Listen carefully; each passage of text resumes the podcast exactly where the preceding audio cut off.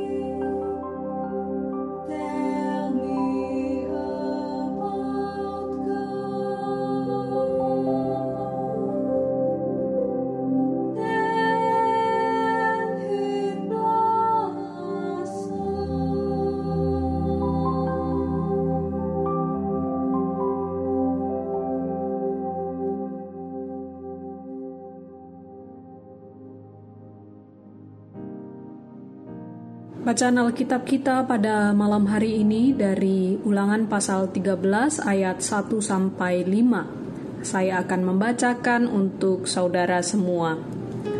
Ulangan pasal 13 ayat 1 sampai 5. Apabila di tengah-tengahmu muncul seorang nabi atau seorang pemimpi dan ia memberitahukan kepadamu suatu tanda atau mujizat, dan apabila tanda atau mujizat yang dikatakannya kepadamu itu terjadi dan ia membujuk, mari kita mengikuti Allah lain yang tidak kau kenal dan mari kita berbakti kepadanya. Maka janganlah engkau mendengarkan perkataan nabi atau pemimpi itu, sebab Tuhan Allahmu mencoba kamu untuk mengetahui apakah kamu sungguh-sungguh mengasihi Tuhan Allahmu dengan segenap hatimu dan dengan segenap jiwamu. Tuhan Allahmu harus kamu tak ikuti. Kamu harus takut akan Dia, kamu harus berpegang pada perintahnya, suaranya harus kamu dengar, kepadanya harus kamu berbakti dan berpaut. Nabi atau pemimpi itu haruslah dihukum mati karena ia telah mengajak murtad terhadap Tuhan Allahmu yang telah membawa kamu keluar dari tanah Mesir dan yang menebus engkau dari rumah perbudakan dengan maksud untuk menyesatkan engkau dari jalan yang diperintahkan Tuhan Allahmu kepadamu untuk dijalani. Demikian harus kau hapuskan yang jahat itu dari tengah-tengahmu. Demikianlah firman Tuhan untuk kita semua. Saudara, di masa itu ada yang namanya nabi atau pemimpi yang dapat melakukan suatu tanda dan mujizat yang sungguh terjadi di Israel. Dengan tindakan yang spektakuler yang mereka adakan, mereka mengajak umat Israel mengikuti dan beribadah kepada allah-allah lain. Nah, di sana Israel diingatkan bahwa orang yang menyesatkan ini dapat saja membujuk dengan cara yang diam-diam, dan di sanalah Israel harus tegas. Tindakan yang dilarang agar tidak terpengaruh pada penyesat itu adalah satu, jangan mendengarkan perkataannya, jangan mau mengalah padanya atau merasa sayang, mengasihani, bahkan menutupi kesalahan si penyesat itu. Bila tuduhan penyesat itu didengar dari sumber lain, maka harus diadakan pemeriksaan, penelitian, dan mengajukan pertanyaan dengan cermat. Bila penyesat itu hanya seseorang, maka harus dihukum mati dengan dirajam batu. Bila satu kota terkontaminasi dengan penyesat itu, maka bunuh dan tumpaslah kota itu beserta dengan segala carahannya. Demikian diperingatkan Tuhan kepada bangsa Israel agar mereka waspada terhadap bahaya-bahaya penyesat. Saudara, apa sebetulnya maksud Tuhan dengan menyampaikan ini? Tuhan ingin agar umatnya sungguh-sungguh mengasihi Dia Tuhan membiarkan bujukan penyesat itu datang untuk mencoba dan membuktikan kasih umat kepadanya.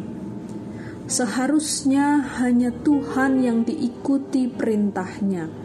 Tuhan ingin agar umatnya hanya mendengar dia saja dan melakukan apa yang benar di matanya, di mata Tuhan. Hukuman mati atas penyesat menjadi pelajaran bagi orang Israel yang tidak mengulangi tindakan yang sama dan kejahatan di hadapan Tuhan.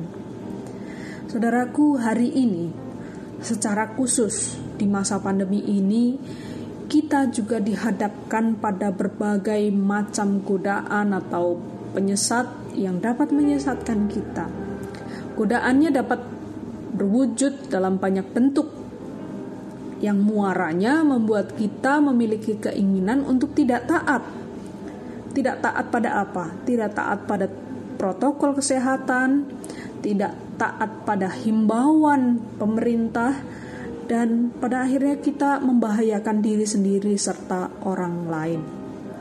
Sekarang ada banyak pelanggaran yang kita lakukan yang disebabkan oleh pilihan diri kita sendiri.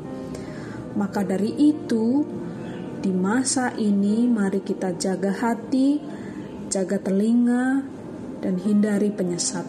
Hindari godaan-godaan yang datang di sekeliling kita, secara khusus di masa pandemi ini. Amin. Marilah kita melanjutkan dengan doa Bapa kami yang akan kita nyanyikan bersama.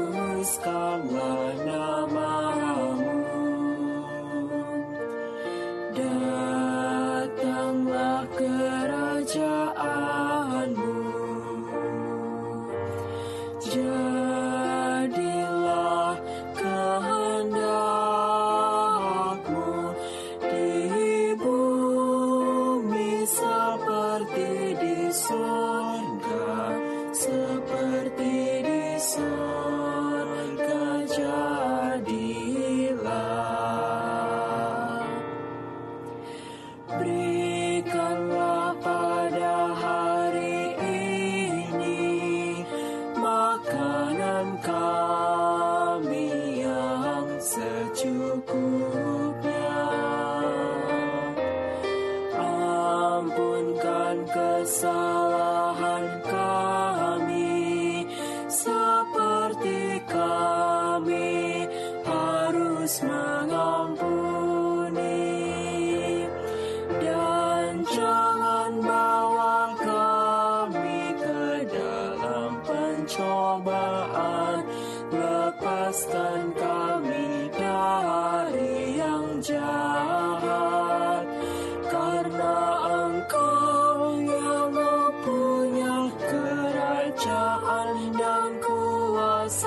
done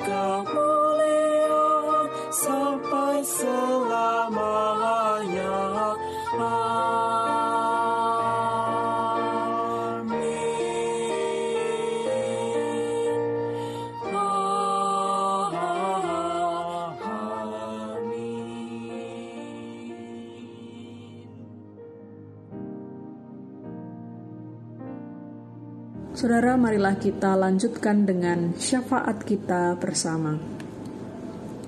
Ya Allah, kami berdoa bagi diri kami sendiri.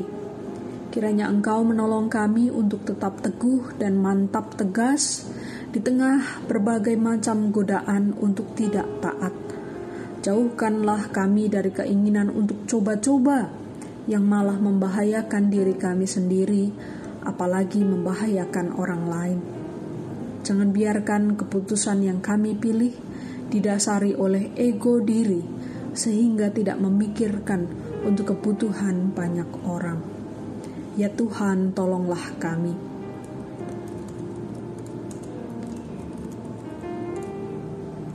Ya Allah, kami berdoa juga bagi orang lain. Kiranya di masa pandemi ini dan dalam masa bencana alam yang melanda Indonesia, setiap orang dapat mengambil sikap yang bijak dan penuh tanggung jawab, tidak hanya bagi dirinya sendiri, tetapi juga bagi orang lain. Kami berdoa ya Tuhan untuk saudara-saudara kami yang sedang menjalani isolasi mandiri karena terpapar COVID-19. Ya Allah, kuatkan mereka Berikan mereka kesabaran dan sukacita agar isolasi mandiri ini boleh menjadi kesempatan untuk merenungkan banyak hal dalam kesendirian. Kiranya masa 14 hari dapat menjadi masa istirahat yang baik bagi tubuh dan jiwa mereka. Ya Allah, kami juga berdoa bagi semua pelayan publik yang masih terus bekerja di tengah pandemi ini. Berikan mereka kesehatan, imun, dan iman yang baik, agar perspektif pengharapan senantiasa mereka pakai dalam menjalani tugas dan tanggung jawab mereka. Inilah doa dan pengharapan kami ya Tuhan, dalam pengasihan-Mu kami mohon.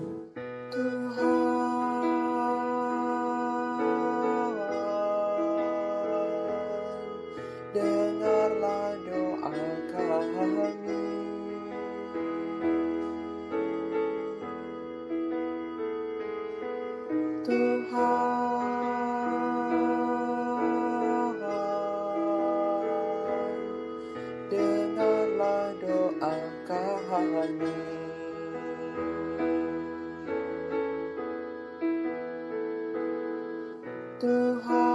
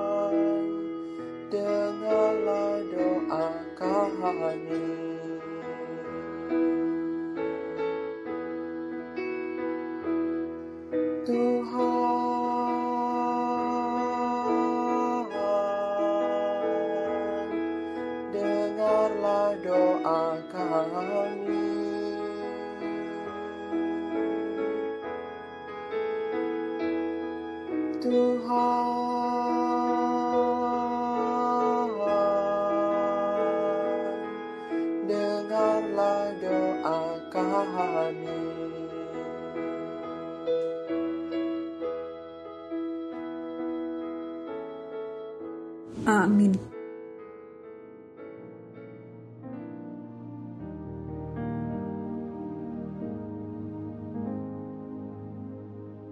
Saudara, terima kasih telah mengakhiri malam ini dengan doa bersama.